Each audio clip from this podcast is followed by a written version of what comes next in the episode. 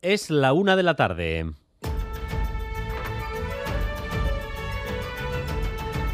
Crónica de Euskadi con Dani Álvarez.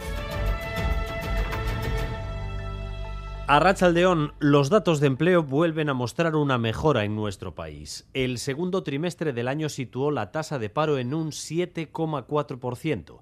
Es decir, cada vez estamos más cerca de alcanzar eso que se llama el paro técnico o la ausencia de desempleo. Solo estuvimos ahí una vez y fue antes de que estallara la burbuja inmobiliaria en 2008. Rodrigo Manero, Arrachaldeón. Sí, Arrachaldeón, según el Eustat, de abril a junio se han registrado 14.000 parados menos que en el trimestre anterior y la tasa de paro, que estaba en el 8,7, ha bajado hasta ese 7,4%. La ocupación ha repuntado con fuerza en el sector servicios y entre las mujeres y hay que remontarse 15 años para encontrar una tasa más baja antes de que se desatara la crisis financiera. Entonces el paro llegó a estar por debajo del 5%, lo que se considera pleno empleo técnico. Una situación que duró tres años. Guipúzcoa ya está muy cerca de nuevo de esa cifra, con un desempleo del 6%. Correos da una lección de profesionalidad, esfuerzo y trabajo en equipo. La operación voto por correo no solo ha superado todo lo conocido hasta la fecha, sino que se va a completar con un éxito rotundo prácticamente el 95% de los votos se han entregado. Es la tasa más alta en unas generales. Madrid, Císaro Baza.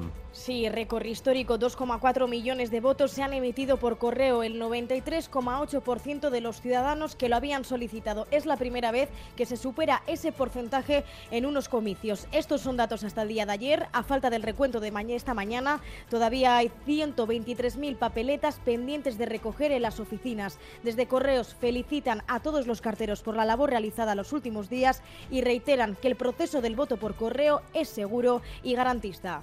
En nuestro país la tasa es incluso superior. Queda una hora para que se cierren las oficinas, en realidad no para que se cierren las oficinas, sino para que se cierre el plazo definitivamente para ese voto por correo y la satisfacción entre los empleados de la empresa y los ciudadanos es total. Satisfacción y reconocimiento, Ido Yagatón.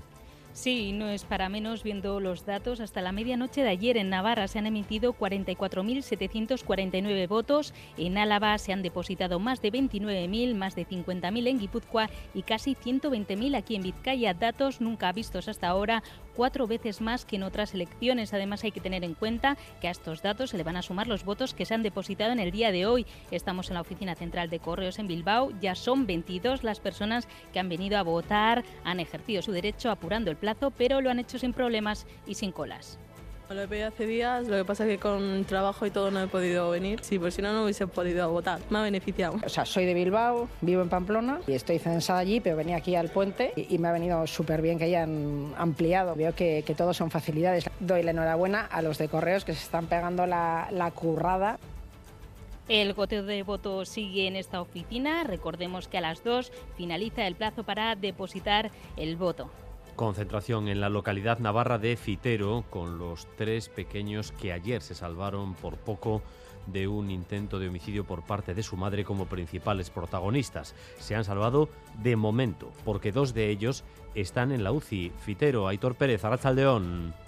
A Rachaldeón, así es, la última hora que tenemos sobre el estado de los niños es, como decís, el mayor de nueve años y el menor de tres permanecen ingresados en la UCI, aunque según el alcalde de aquí, de Fitero, el pequeño, eh, su estado al menos estaría fuera de peligro. La tercera, la niña de cinco años, está ingresada, pero en planta, al igual que la madre, en este caso en el Hospital Reina Sofía, está ingresada, detenida, custodiada por la policía, mientras se recupera. Por lo demás, aquí a las 12 del mediodía, unas 400 personas asistían a la concentración silenciosa que ha convocado el ayuntamiento. Solo los aplausos finales han roto ese silencio, caras de tristeza y extrañeza por el intento de asesinato de una madre a sus tres hijos.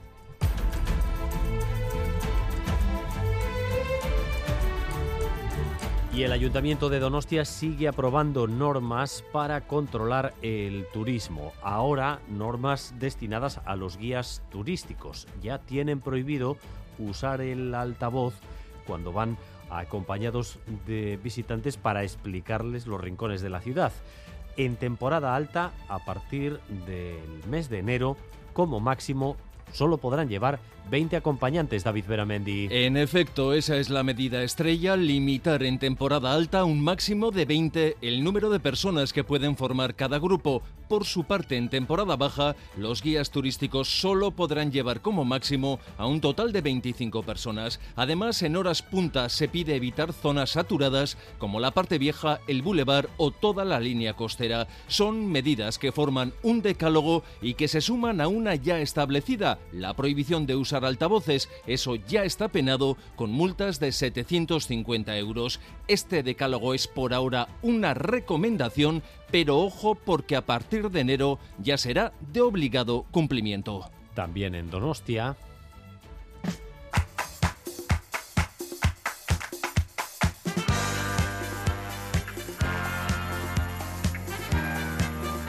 Hay preparados 16 escenarios para los 90 conciertos que componen el programa de Yasaldia que ha arrancado esta misma mañana. Bandas locales, artistas por descubrir y, como no, grandísimos nombres como Nora Jones, Ben Harper o los Village People.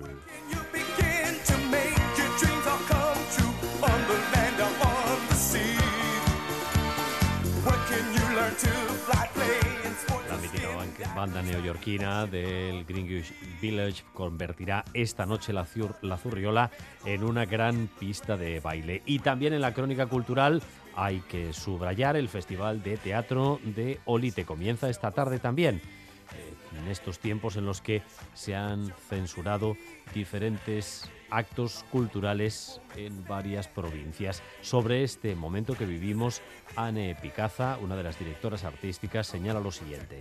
No olvidemos que ahora más que nunca la cultura tiene un, valor para generar una sociedad mucho más crítica y mucho más libre. Estos festivales son, son necesarios. La libertad es necesaria para generar nuevas reflexiones.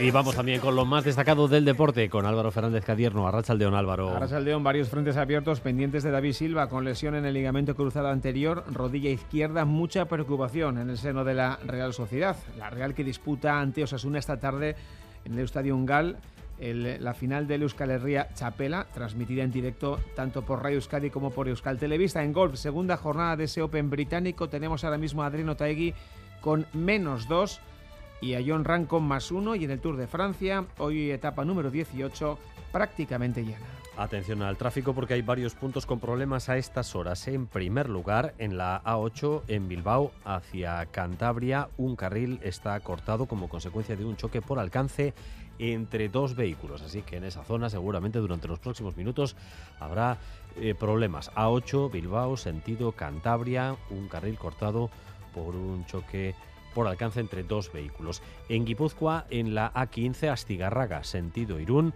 la calzada se encuentra cortada por un camión que ha derramado combustible. Se han producido retenciones, la Archancha está desviando el tráfico ahora mismo por la N1. Hablamos de la A15 en Astigarraga en sentido hacia Irún, calzada cortada por un camión que ha derramado combustible.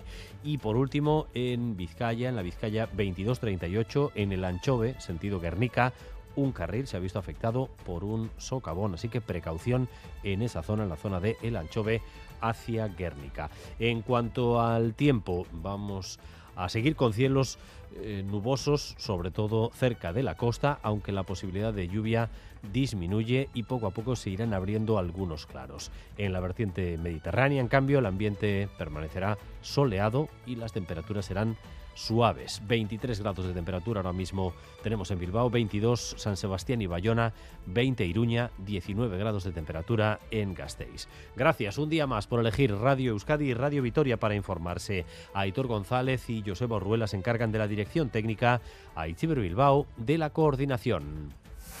Crónica de Euskadi con Dani Álvarez.